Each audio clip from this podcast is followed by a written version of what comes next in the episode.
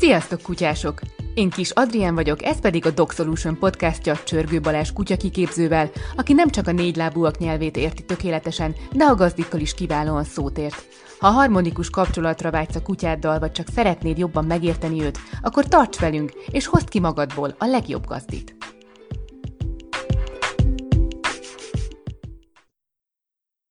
Sziasztok! A múltkori adásban a kölyök kutyanevelésről volt szó. Beszéltünk arról, hogy hogyan választjuk ki a jövendőbeli kiskutyánkat, és sok egyéb hasznos tippet kaptunk arra vonatkozólag is, hogy a későbbiekben hogyan ne roncsuk el őket. Erről a témáról viszont rengeteget lehet beszélni, ezért a mai alkalommal újfent a kölyök kutyázás rejtelmeivel megyünk tovább. Most is itt van velem állandó beszélgető partnerem Csörgő Balázs, kutya kiképző. Szia Balázs! Sziasztok! Számomra az előző adás legnagyobb tanulsága az volt, hogy nagyon türelmetlenek vagyunk mi emberek a kiskutyáinkkal, és hogy ugye elmondtad, hogy a legtöbben azt a hibát követik el, hogy egyből ugye nevelni, meg tiltani akarják úgy, hogy még nem is alakult ki közöttük az a megfelelő kapcsolat. Viszont itt bennem rögtön felötlött egy olyan kérdés, hogy ha nem tilthatjuk, ugye van egy olyan időszak, amikor még nem hallgat a nevére, és nem behívható. Viszont nyilván akkor is kell vinnünk sétálni, hogyha, hogyha még nem behívható. Hogy ilyenkor mit csináljunk, ilyenkor hogyan néz ki egy séta? Levehetjük egyáltalán róla a pórázt, vagy ez nagyon nagy butaság, vagy vigyük inkább zárt kutyafuttatóba, ahol esetleg felnőtt kutyák is vannak, nagy kutyák, hogy ilyenkor mi a helyes? Szóval nyilván, hogyha a kiskutyám még nem beívható, meg még, meg még nagyon picike, meg még nem szokott hozzá semmihez, attól függetlenül ugyanúgy le kell nem sétálni, Na most az, hogy hova el sétálni, nyilván akkor engedhetem el pórázról, hogyha egy ilyen megfelelő, biztonságos környezetet tudok találni a kutyámnak, ahol ezt megtehetem, és nem fogja magát bajba sodorni. És egyébként pont ez az a, az a pont, amiről beszéltünk az előző adásban, hogy mikor kezdjük el a kutyát tanítani, meg mikor kezdjünk el foglalkozni a viselkedéseivel. És ott is az első példa az volt, hogy például a nevét, meg a behívást, azt rögtön el kell kezdeni ö, tanítani a kutyának.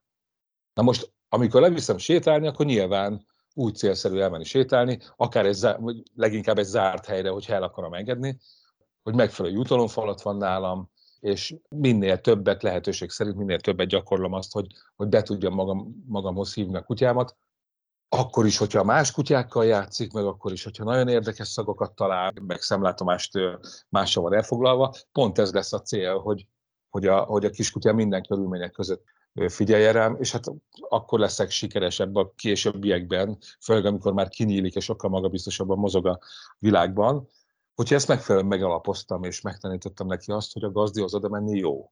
Ugye a behívásról szenteltünk még egy másik adást is, ahol szét is szedtük, hogy, hogy mi a jó behívásnak a, a kritériuma. Ugye nyilván az, hogy mindig nagyon aktívan és mindig kedvesen hívom, ez azért szükséges, mert, mert érdekesebbnek kell lennem, mint a környezet, hogy mindig hátrálva hívom a kutyámat, nem pedig felé megyek, mert akkor, mert akkor igazából taszítom el magamtól. Ezt nagyon sokszor látni, hogy valaki hívja a kutyáját, és, és megy felé, és a kis kutyája szemlátomást kerüli el. És hát a harmadik nagyon fontos szabály, hogy mindig megjutalmazom. És a póráz igen, akkor fog lekerülni, hogyha ha tényleg olyan, olyan helyen vagyok vele, ahol ezt megtehetem. Hogyha nem tudom megtenni, egy parkba bárhol elviszem sétálni. Lehet az, hogy pórász távolságról hívom be nagyon sokat a kutyámat, sőt, hogyha nincs más lehetőségem, akkor ezt fogom gyakorolni. Sőt, visszatérve, mi van akkor, amikor még a kiskutyám mondjuk nem kapta meg az oltásait, és nem tudom levinni, sétálni? Akkor is már elkezdem tanítani, és akkor is elkezdem a behívásokat megtanítani neki. Nyilván nem lent fogom elkezdeni, hanem bent a lakásba, de a szobába is oda tudom hívni, ott is már, már elkezdhetem azt, hogy a kutyám örömmel és szívesen jön oda, és ezt azért akkor fogja megtenni, hogyha ezért mindig jutalom, meg dicséret, meg, meg minden földi jó, jó jár érte, és azt tanítom meg neki, hogy, hogy mindig jó oda menni a gazdihoz. Visszatérve erre a kutyafuttatós példára, mennyire ajánlott egy kiskutyát bevinni egy zárt kutyafuttatóba, ahol vannak felnőtt kutyák? Hát, igen, figyelj, most mit csináljunk? Valamelyik ujjunkat meg kell harapni, valóval le kell vinnem a kutyámat. Nyilván célszerű egy kutyafutat, egyiket is oda tudom csak levinni hivatalosan, mert kutyát mondjuk máshol elengedni nem is nagyon lehet, csak zárt kutyafutatóban Magyarországon. Hát azt gondolom erről, hogy ilyen nagyon körültekintőnek kell lenni. meg kell nézni, hogy milyen kutyák vannak bent, szóba kell elegyedni a bent lévő gazdikkal, hogy bevihetsz egy kis kutyát, tájékoztatni őket, hogy pici még, nem találkozott nagy kutyákkal, hogy ennek a legmegfelelőbb terepet megágyazni, és akkor persze be lehet vinni. Na most hazárdjátékot ne játszunk, szóval tényleg, amikor azt látjuk, hogy nagy aktív kutyák vannak bent, vagy agresszívan reagálnak, már a kerítésnél ugatnak, és a kiskutyám szemlátomást retteg az egész helyzettől, akkor lehet, hogy még nem jött el az ideje, vagy várjunk, keresünk van megoldást. A traumákat nem jó összeszedni nyilván egy kölyök kutyának a többi kutyától, de valahogy meg meg kell majd oldanunk. Szerintem akkor, akkor működik ez a dolog, hogyha megfelelően tájékozódunk, és, és lehetőség szerint próbáljuk minimalizálni a, a kockázatát annak, hogy, hogy valami megrémítse a kutyánkat, de, de könnyen előfordulhat, hogy sajnos lesznek ilyen, ilyen helyzetek. A másik lehetőség az, hogy, hogy a kutyánk minél, kiskutyák minél előbb hozzászokni a többi kutyához, megráadások különböző ingerekhez, az az, hogy elkezdünk kutyaódába járni a, kutyával, ahol, ahol találkozik a fajtásakkal, nyilván kutyaódába is lesznek nála fiatalabbak, idősebbek, termetre nagyobbak, kisebbek, és egész egyszer hozzá fog szokni, és meg fogja tanulni azt, hogy a, a fajtásaktól nem kell félni, sőt ellenkezőleg. Egyébként az a megfigyelés, hogy a kutyaóiban ilyen legfélénkebb kiskutyák, akik az elején nagyon erős félelmi jeleket mutatnak, nagyon gyorsan kinyílnak, és aztán a legvagányabb kiskutyák lesznek a, a, a bandában. Hány hónapos korig lehet, vagy érdemes a kiskutyákat kutyaóviba vinni? Én azt szoktam javasolni, hogy ha megvannak a kiskutya védőoltásai, akkor már jelentkezhetünk egy kutyavodába. És hát igazából növendékkorig érdemes menni a kutyaóviba. A növendékkor az, az ugye a kamaszkor a kutyáknál, ez fajtánként is, meg, meg egyedenként is változó lehet, hogy ez az időszak mikor jön el. Ugye jellemzően az a 6-8 hónapos kor. Mondtad az előbb, hogy nem érdemes begyűjteni a, a traumákat. Nyilván senki sem szeretne, de azért néha előfordul, vagy néha megtörténik ilyen. Mi történik akkor, hogyha mondjuk tényleg éri egy rossz élmény a, kutyát, megtámadja mondjuk egy, egy nagyobb kutya, vagy így nekiront, vagy nekem például a, az előző kutyámmal volt egy ilyen eset, hogy pici korában elvittük egy vendégségbe, ahol beleesett a, a kerti medencébe, és akkor utána azért úgy látszott, hogy tart a víztől, pedig egy labrador volt, egy vízikutya. Hogyan lehet ezeket a traumákat így kinevelni belőle? Uh-huh. Hát viszonylag sokat foglalkozunk ezzel, szóval majdnem minden kutyát ér valamiféle trauma. Mint ahogy minket is gyerekkorban is, meg akár felnőtt korban is rengeteg trauma ér. Úgy járunk el jó, hogyha úgy, utána ennek az ingernek ugyanúgy ki fogom tenni a kutyámat, csak sokkal kisebben. Szóval, hogyha mondjuk azt látom, hogy fél nagy kutyáktól, akkor nyilván megyek majd nagy kutyák társaságába, és közben próbálom a kutyámat mindenféle jó élménnyel társítani mindeközben, hogy erre az ingerre, amire ő félelmi reakciókat ad le, pozitív élményei is legyenek, és, és így, így el fog kapni ez a, ez a félelem. De hát ezt nem úgy csinálom, hogy nagy mély vízbe dobom be a kutyámat, hanem fokozatosan. Esetleg keresek olyan társaságot, ahol vannak nagyobb testi kutyák, akik tök cukik és tök aranyosak, és nem lesz sok az én kutyámnak, és megpróbálok velük együtt sétálni, közben az én kutyámat jutalmazom, próbálom oldani az ő feszültségét, esetleg játszom vele közben, először még csak távol vannak, vagy lemaradok tőlük, és aztán egyre közelebb, és aztán együtt sétálunk. Így szoktuk ezeket a traumákat kezelni. Nyilván, hogyha mondjuk a kutyán egy vízbeeséstől, hogy maradjunk a te példádnál, vízbeeséstől fél, akkor megpróbálok vele valami vízparton dolgozni a vízzel. Nem biztos, hogy egyébként szeretni fogja utána már a vizet, és, és ő belőle egy úszóbajnok lesz, de lehet, hogy el tudom érni azt, hogy, hogy bemenjen a vízbe, nem, nem úgy úszni mondjuk, mint egy vízibolond kutya, de lehet, hogy így hasig meg, amíg a lába leér, addig azt meg tudom neki tanítani, meg tudom szoktatni, hozzá tudom szoktatni, hogy, hogy ez már ne zavarja. Szóval mindig figyelünk arra egyébként, hogy milyen trauma érte a kutyát, és ezt próbáljuk, próbáljuk benne tompítani, vagy, vagy teljesen eltüntetni, és ezt így szoktuk csinálni.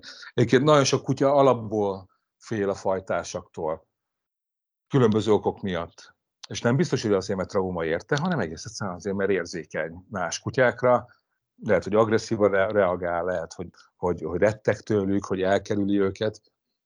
És például a kutyaóvi az egy, ezért egy jó megoldás, hogy, hogy ezt megelőzvén próbáljuk a, a kutyákat összeszoktatni a többiekkel. Pont amit előbb is mondtam, hogy azt megtanítani neki, hogy, hogy a többiektől nincs miért tartania, meg nem kell félnie. Ha meg mondjuk egy felnőtt kutyánál van egy ilyen, hogy fél a többitől, azt is kutyatárságba szoktuk vinni. Nyilván nem úgy, hogy bedobjuk szegényt egy, mit tudom én, egy 20 fős csapatba, hanem először egy vagy két kutyával, passzívabb kutyákkal, akik, akiktől kevésbé tart, azokkal mozogjon együtt, aztán utána nyilván, hogyha egy feloldódott, akkor, akkor ezt lehet egyre jobban mélyíteni. És nagyon sok kutyával nekem is volt olyan dolgom, akik, akik tényleg rettegtek a többiektől, és olyan szinten sikerült egyébként így habituálni, hozzászoktatni a többi kutyához, hogy egy ilyen játékbajnok lett belőle, és, és vígan játszik, és alig várja például, hogy a napköziben a többi kutyával találkozhasson, úgy, hogy előtte meg rettegett tényleg mindenkitől. Szóval, hogy ebben azért baromi sokat lehet elérni ezeknél az érzékenyítéseknél, meg, meg ellenkondicionálásnál, meg a hozzászoktatásokkal. Olyat már többször láttam, hogyha mondjuk egy kutyának volt egy rossz élmény egy másik kutyával, mondjuk egy adott fajtával, tegyük fel egy magyar vizslával, akkor azt mondta a gazdája, hogy ha találkozott más magyar vizslákkal, akkor tőlük is volt benne egy ilyen félelem.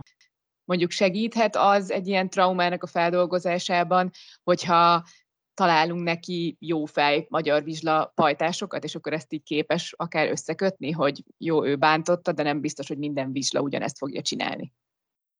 Egyrészt igen, kettő meg itt álljunk meg egy picit.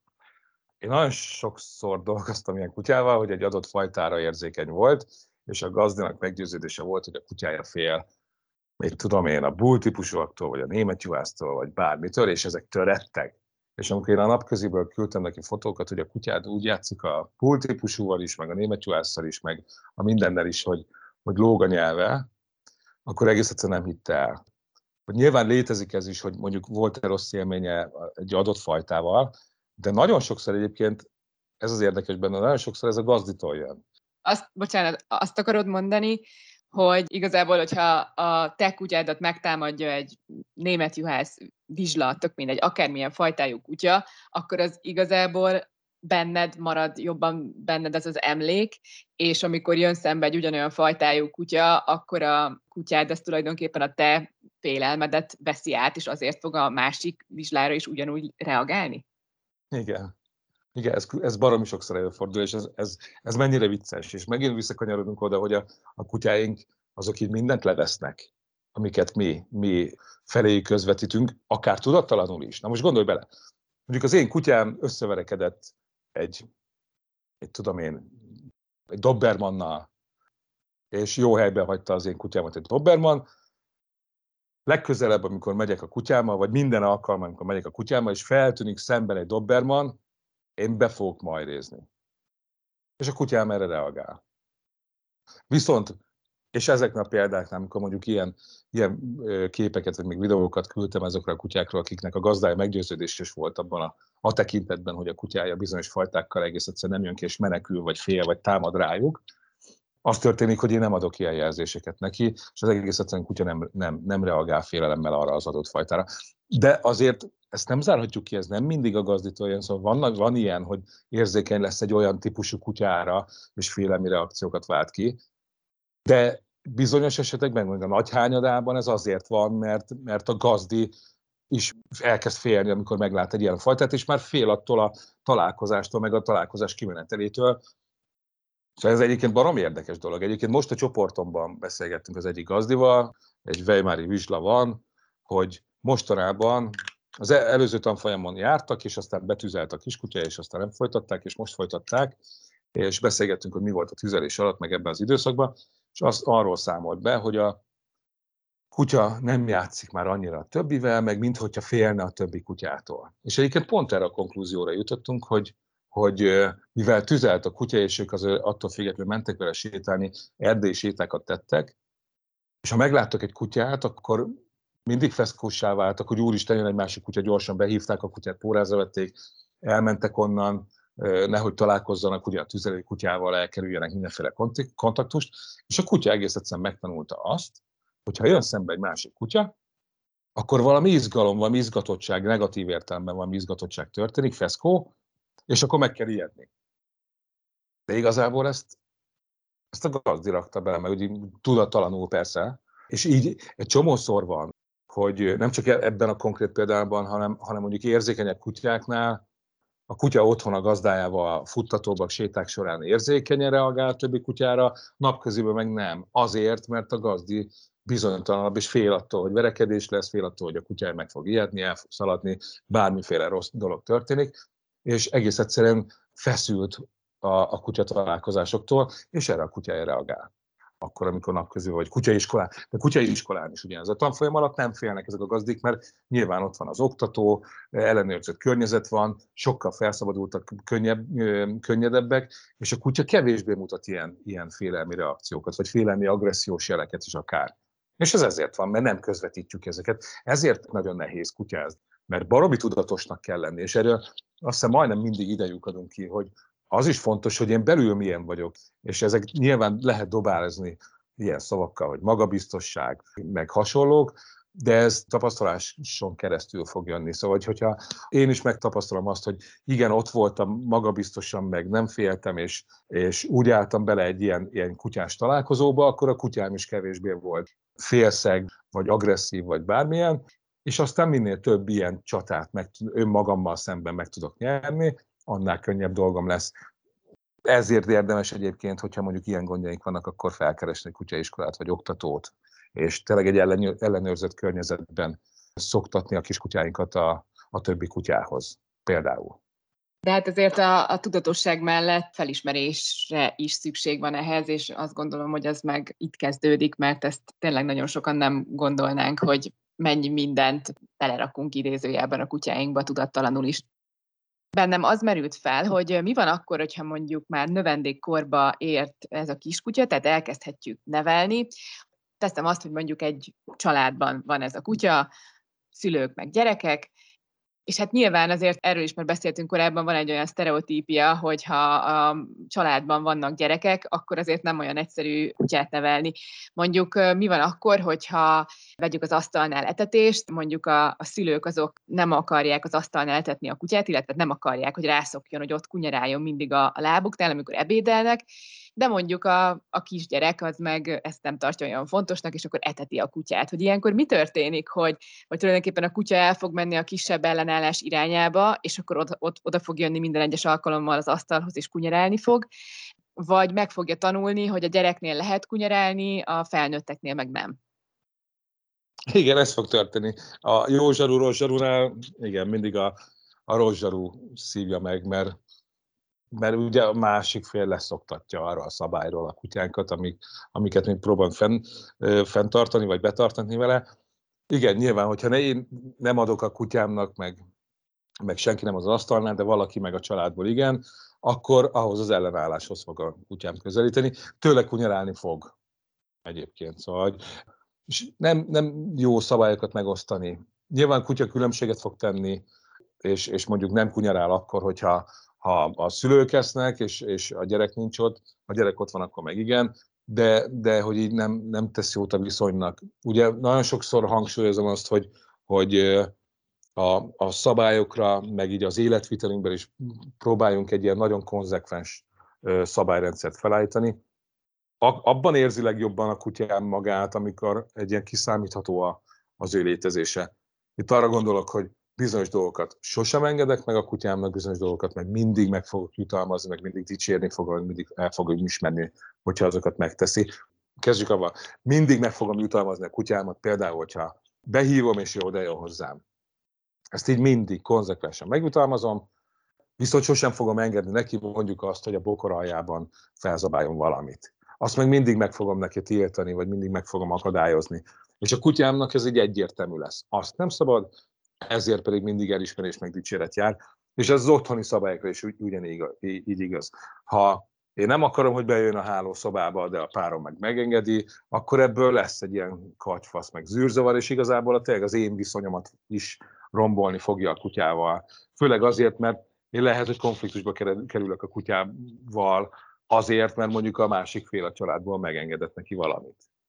És a konfliktusok, nyilván erről már sokat beszéltünk, hogy hogy azoknak helye van, minden, minden viszonyban szerintem van helye a konfliktusnak, lesz konfliktus a, a kutyám és köztem is, viszont nem mindegy, hogy ez a konfliktus nyuansznyi elkerülhető baromságok miatt vannak, vagy azért van, mert esetleg meg kell akadályoznom, hogy ő mondjuk veszélybe sodorja magát, vagy másokat. Szóval, hogyha mondjuk rászólok a kutyámra, mert látom, hogy el akart indulni az út irányába, és egész egyszer megtiltom neki, hogy tovább menjen, vagy utána szaladjon egy, egy macskának, vagy egy másik kutyát hoz oda akarja szaladni, az ott egy megfelelő konfliktus, annak, annak van értelme. És ott konfliktusba kell kerülnöm, mert nem kerülök fel konfliktusba, akkor, akkor lehet, hogy megöli magát. Nyilván, ha mondjuk nem tudom, fel tudom mérni azt, hogy nem fogom tudni behívni, mert nem fog egy hívásra jönni, hanem csak akkor fog megállni, hogyha én rászólok, hogy nem mehet tovább. Szóval ezeknek a konfliktusnak van, van értelme, azoknak meg, amik így ilyen, ilyen helyzetekből jönnek ki, azoknak meg nincs, és ezek erodálják egész egyszerűen a viszonyt mindenki között. Hát igen, ez, ahogy ezt így hallgattam, azért az jutott eszembe, hogy igen, elég sok konfliktust tud okozni a, a családban. Amikor így párok jönnek esetleg kutyaiskolába meg, vagy családok, akkor, akkor azért arra szoktunk beszélgetni, hogy a kutya az baromi, arra, baromi jó arra, hogy, hogy szétveri a családi idélt, mert egyébként nagyon sok, tényleg rengeteg konfliktus van családon belül a kutyával. Különböző nézetek miatt, meg különböző szabályok miatt, ki mit vár el a kutyától, ki mit szeretne, ki hogyan akar élni vele. Ez így baromi hát sokszor megjelent. Meg szerintem amiatt is, bár nyilván mindenen lehet változtatni, hogy mondjuk ki ki milyen tapasztalatokkal jön, hogy mondjuk lehet, hogy valakinek az az első kutyája, valakinek már a sokadik, de mondjuk az sohasem volt igazán az ő kutyája, vagy nem ő gondoskodott róla teljesen. Tehát azért nagyon más élethelyzetekből tudnak érkezni az emberek kutya tartás terén is. A többségünk városban vagy városi környezetben él, tehát nyilvánvalóan a kutyáinknak is ehhez a környezethez kell hozzászokniuk, de azért azt elfelejtjük, hogy, hogy amíg nekünk mondjuk természetesek az autók, meg a buszok, villamosok, addig azért nekik nem feltétlenül. Nekem akkor volt egy ilyen felismerésem, amikor elvittem a nem kölyök, de már felnőtt és érzékeny kutyámat a, a Margit szigetre, és hát leizzadtam háromszor, mire a félhídon át tudtam szegényt hozni, mert ugye ott autók járnak, villamosok járnak, ugye remeg az egész, úgyhogy nem annyira szerette kezdetben. Ehhez is tulajdonképpen ugyanúgy, mint az autózáshoz, így hozzá kell őket szoktatni? Pontosan. Emlékszel, előző adásban beszéltünk valami hasonlóról, hogy, hogy milyen hibákat követnek el a gazdik. Például azt, hogy azt gondolják, hogy, vagyis egész egyszerűen nem tudják kivárni mindenek az idejét, és azt gondolják, hogy minden automatizált lesz a kutyáknál, hogy, hogy rögtön működni fog, nem fog félni semmitől, nem fog érzékenyen reagálni, szobatiszta lesz már rögtön, meg mi az, hogy két nap után még, még mindig bepisil, emlékszel erre a, pontra. Na most ez ugyanaz, szóval, hogy, hogy nem lesz természetes, hogy minden kutya zokszó nélkül veszi azt, hogy elhúz mellette a villamos, meg az, hogy dudálnak a városban, meg biciklik húznak el mellette, meg gördeszkások, meg meg bármi ilyesmi, és különbözőképpen fognak erre reagálni. És nagyon sokszor az van, mint ami nálad is a Lolánál, hogy egész egyszerűen fél egy helyzettől, vagy egy helyszíntől, és azon ott le kell küzdeni, ezt meg kell neki tanítani azt, hogy nincs mitől félni. Ha ezt tapasztaljuk egyébként, hogy teszem azt mondjuk a Margit szigeti példád, hogy a, a kutyád mondjuk nem szeret felmenni a Margit szigetre, lehet, hogy nem tűzném ki rögtön magam elé azt a célt, hogy át is menjek a Margit szigetre, és kiussak a Margit sziget, vagy a Margit hídra, és kiussak a Margit szigetre, hanem lehet, hogy ha azt látom, hogy érzékeny a hídon, hogy először csak 5 métert akarok menni a hídon. És azt végig jutalomfalattal, happyből, meg sikerült megtenni 5, métert, mondjuk lefordulok, viszem haza, elviszem egy nyugodt helyre, labdázok vele, játszok vele, bármit. De megtettem 5 métert. Aztán legközebb lehet, hogy már az, az 10 lesz és így vég, végül aztán kijuthatok vele a Margit szigetre. Lehet, hogy ez lesz a módja. De hogy mindenképpen, mindenképpen figyelnem kell arra, hogy a kutyám ebben a szituációban, eb, ezen a helyszínen, ezektől és azoktól az ingerekre rosszul reagál, meg félemmel reagál, akkor azon el kell kezdenem dolgozni. És ne, nem kell egy nap alatt megváltani a világot, mert nagyon sokszor, sőt, leginkább nem megy. Azt látom, hogy, hogy az szokott a baj lenni, hogy, hogy ebben is, mint a, ahogy a, az első példa is mutatja, hogy türelmetlenek vagyunk, és, és már kétszer megpróbáltam, és még mindig, még mindig fél. Hát igen, még fél. El fog jönni az idő, amikor már nem fog félni. Hogyha jól csinálom. Hogyha el tudom oszlatni a félelmét. Főleg úgy, hogy, hogy mondjuk utána lesz a kutyának egy olyan konklúziója, maradjunk a Lola példájánál, hogy fél a Margit hídon végigmenni, aztán végül sikerül, és a Margit szigeten viszont baromi jól érzi magát, mert tök jól el tud foglalni, és tök jó időt tudok eltölteni, ahol mondjuk bandász a többi kutyával, meg, meg labdázol vele, vagy bármit csinálsz, és a kutyának az lesz a következtetése, hogy, hogy át kell mennem Margit hídon azért, hogy aztán egy tök jó időtöltésben legyen része. De, de hogy igen, így kell, hogy mindenhez, a porszívóhoz, az ajokhoz, bizonyos tárgyakhoz, kukászsákhoz este a sötétben, meg, meg, meg így bármi kiválthat a kutyánkban félelmi reflexeket, meg reakciókat. És ezekkel dolgoznunk kell. Egyébként, ahogy most mondtad ezt a jutalomfalatozást, hogy akkor elég csak 5 métert megtenni, és akkor folyamatosan jutalmazni, hogy ez biztos tök jól működik sok embernél, vagy sok kutyánál. Az én kutyámnál például azért nem működik, mert annyira koncentrál, amikor olyan helyzetben van, ami neki nem komfortos, vagy fél tőle, hogy ő ilyenkor nem eszik, tehát nem fogadja el a jutalomfalatot. Viszont, hogyha ha így ügyögünk neki, és mondjuk, hogy mennyire ügyes, akkor azért látom, hogy így oldódik. Igen, a, a jutalomfalatot csak egy példa, de lehet, hogy neked éppen beszélned kell hozzá, és nagyon happynek kell, meg nagyon motiválónak kell lenned, és ez fogja a kutyát félelmét, félelmét csökkenteni. De lehet, hogy azt fogja, hogy mondjuk te nyugodt vagy, és mondjuk te sem stresszelsz azon, hogy mondjuk fel kell menni a Margit hídra, és nem fogod átadni a kutyádnak, hanem mondjuk magabiztos vagy, és tudod jó, hogy ezt meg fogjátok oldani, és lehet, hogy ez fogja megnyugtatni a kutyádat, hogy, hogy, hogy belőled egy ilyen nyugodt magabiztosságot érez, és abból tud merítkezni. De lehet, hogy a kaja lesz, de lehet, hogy egy labdát lóbálok előtte, és gyorsan átfutok a szigeten, és aztán megkapja. Ki kell tapasztalni. Szóval nincs, nincs, nincs egyértelmű recept. Igen, nagyon sok kutya van, aki Lolához hasonlóan, hogyha fél valamitől, akkor egész egyszerűen nem eszik. De egyébként az élmény, az, hogy például leküzdöm ezt a Margit híd, hídtől való félelmemet, és utána a szigeten például baromi jó lesz. Ez például egy csomó napközös kutyánál is látszik, hogy így fú, de utálok az autóba beszállni, mert box van, meg mi egymás van, és az elejét szét idegeskedik, de ugye utána megérkezünk a, a napközülbe, és a óriás bandázás meg, meg játék van, és azok a kutyák, akik ezt igazán élvezik, azok utána úgy ugranak be a kocsiba, meg, meg összekötik a kettőt, hogy ott, ott már teljesen elmúlik ebbe, ebbe kapcsolatban mindenféle érzékenységük. Ez ugyanaz.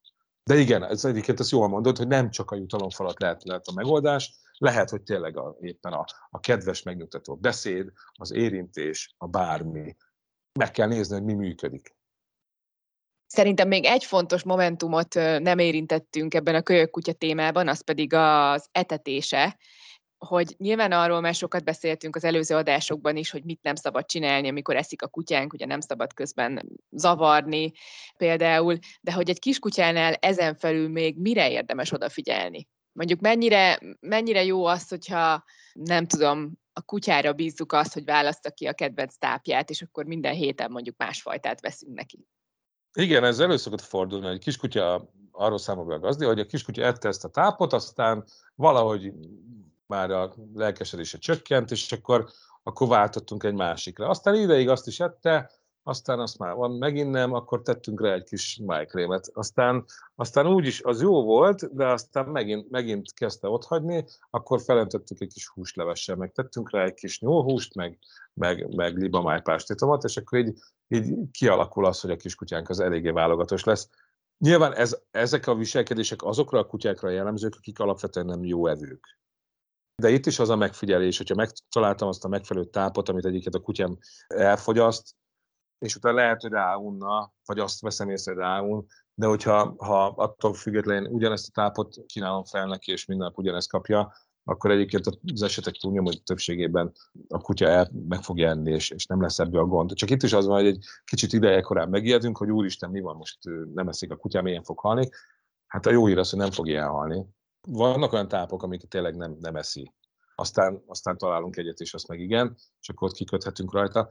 De, de inkább az szokott lenni, hogy, hogy rosszul levő kutya, folyamatosan próbálkozunk, próbálkozunk, próbálkozunk, és, a, és akkor válogatós lesz a kutyánk, és akkor máson sem törjük a fejünket, mint hogy mit adjunk neki aznap vacsorára, meg másnap mi legyen a menü, nagyon könnyen lehet egy kutyát válogatossá, válogatossá tenni. Egyébként most is volt egy ilyen példa, az egyik gazdi ezt folyamatosan váltogatta, és mondta, hogy ez sem, most már ilyen hús süt neki, most olyat főz, meg, meg, meg mindenféle, és aztán megbeszéltük, hogy egyiket allergiás a kutya az, hogy egy bizonyos speciális tápot ehet, meg bizonyos dolgokat ehet a kutya, hogy így térjen vissza arra a tápra, ami eredetileg bevált, és egyébként ő, ő azt eheti. Volt allergiavizsgálata, minden szóval tisztában van a gazdi avval, hogy mit lehet tenni a kutyának, meg mit nem. És csodák csodájára mindig jól le volt tekerve a kutya, fáradt volt, azt kapta, most úgy eszi azt a tápot, amit régen ott hagyott, mint hogyha nem lenne holnap. Nyilván ez egy felnőtt kutya volt, már két éves korán túl van ez a kutyus. Kölyök kutyánál nyilván sokkal jobban oda kell figyelni, hogy megkapja a megfelelő mennyiséget, a tápnak az összetétele megfelelő legyen számára, mi egymás, de kölyökkorban is kis elég gyakran előfordul az, hogy a kutya válogatás miatt, válogatóság miatt nem, nem eszi meg a tápot, és hogyha nagyon sűrűn elkezdünk kísérletezgetni, akkor, akkor belecsúszhat a kutya abba, hogy, hogy válogatós lesz, és aztán felnőtt korára ráadásul ez eszkalálódni fog még jobban.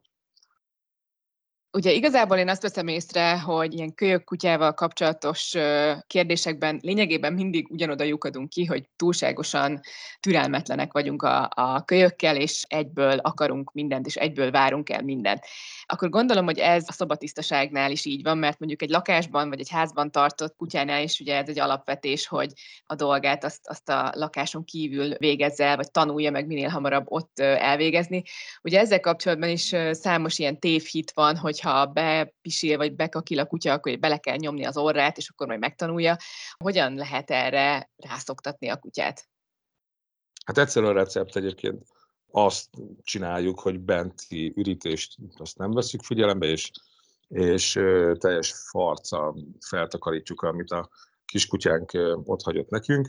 Lent viszont paromira megdücsérjük, és, és óriási bulit rendezünk azért, mert lent pisil kakil, és egész egyszerűen azért, mert egyrészt a, egyrészt a kutyáink azért nem szeretik összerondítani a saját környezetüket, kettő pedig azért, mert szabálykövető állatok, ez viszonylag gyorsan kialakul. Itt, ami hiba el szokott történni, vagy elő szokott fordulni, az az, hogy megint tényleg, amit mondtál, és hogy türelmetlenek vagyunk, és mi az, hogy már itt van ez a kutya három napja, vagy egy hete, és még mindig bepisír, meg bekakír és mondjuk ettől feszkós vagyok, vagy mondjuk feszkósan takarítom fel, hogy a francban már megint itt egy pisi folt, meg már megint itt egy kaki a szőnyegen, és egész egyszerűen ezt a kutyám ezekre a, e, ezekre a feszültségekre, meg konfliktusokra reagálni fog. És lehet, hogy ez fogja megakasztani ezzel is a tisztaságát.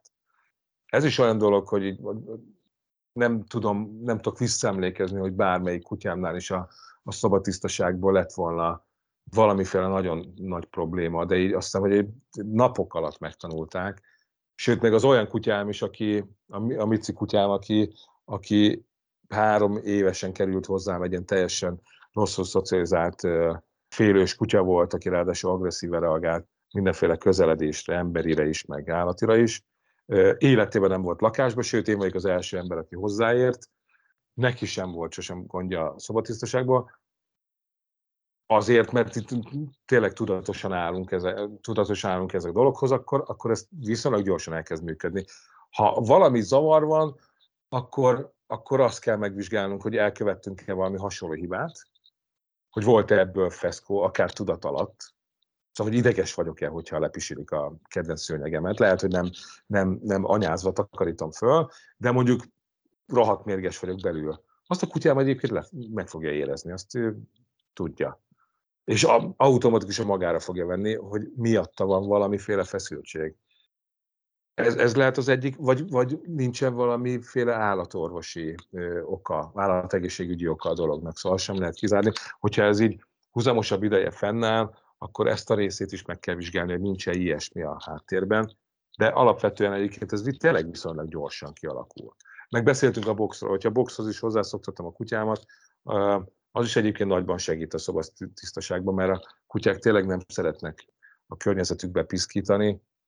Hogyha mondjuk egy ilyen boxban van, és ahhoz szokott hozzá, és mondjuk ott alszik, akkor jó esélye jelezni fog, hogyha neki ki kell mennie. Hú, hát most is nagyon sok hasznos tippet kaptunk. Megpróbáltuk kivesézni ezt a kölyök kutya témát, és tényleg végigvenni azokat a legfontosabb pontokat, ami azért minden gazdi életében felmerül, hogyha egy kölyök kutyát vesz magához.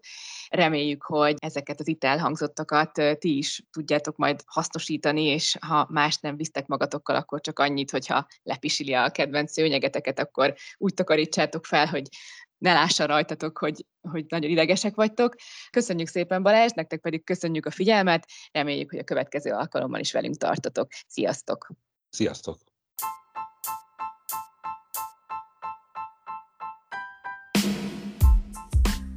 A Dog Solution Podcast következő adásában eloszlatjuk a tévhiteket a kistermetű kutyákról. Miben különbözik egy tacskó egy dobermantól? Kell-e máshogy nevelnünk egy vesztit, mint egy német juhászt?